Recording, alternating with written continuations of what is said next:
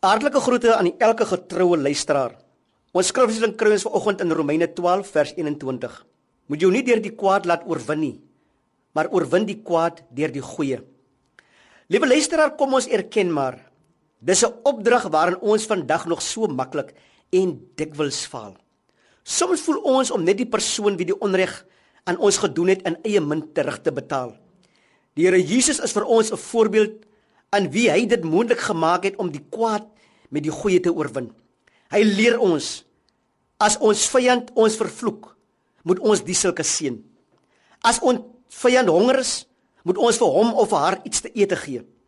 As ons vyand dors is, moet ons vir hom of vir haar water gee om te drink. Kwaad kan nooit met kwaad oorwin word nie. Kwaad kan nooit die goeie oorwin nie, maar die goeie oorwin die kwaad. So die woord van die Here leer ons As ons 'n oorwinningslewe wil lei, moet ons toelaat dat die goeie die kwaad oorwin. In my tydperk in die bediening kan ek baie stories vergelyk van persone wie mekaar aangeval het, wie vyande is en wie probeer het om die bediening te verstrik. En talle kere het dit gebeur dat ek die geleentheid aangegryp het om goed te doen aan die sulkes. Ondanks die onreg wat hulle aan ander en selfs in baie gevalle aan my gedoen het, het ek hulle steeds lief het ek hulle onvoorwaardelik vergewe. En weet jy liewe luisteraar, vandag nog help ek nog steeds waar moontlik.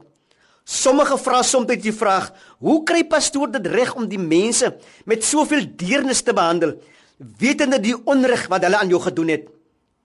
En die wonder van alles, liewe luisteraar, in my hart het ek vreugde want ek het die opdrag van hierdie geleesde teksvers gehoorsaam en streef daarna vir die res van my bestaan. Moet jou nie die kwaad laat oorwin nie, maar oorwin die kwaad met die goeie. Ek rig in hierdie oggend 'n uitdaging aan elke luisteraar om nog voor die einde van hierdie dag vrede te sluit met iemand. Is dalk 'n vriend of 'n familielid, is dalk kinders teenoor ouers en andersom, 'n werknemer teenoor werkgewer of in watter geval ook al.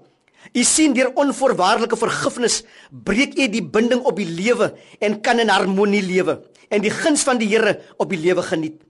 U sal nooit verslaan word as u goed doen aan elkeen wie u pad elke dag kruis en die Here in die hemel sien u goeie dade en beloof die koning van alle konings oorvloedige seën in u lewe. Kom ons bid saam. Here help ons om elke dag u wil vir ons lewens te gehoorsaam. Help ons ook om ons skuldenaars onvoorwaardelik te vergewe sodat ons 'n oorwinningslewe kan lei tot eer van u naam. Amen.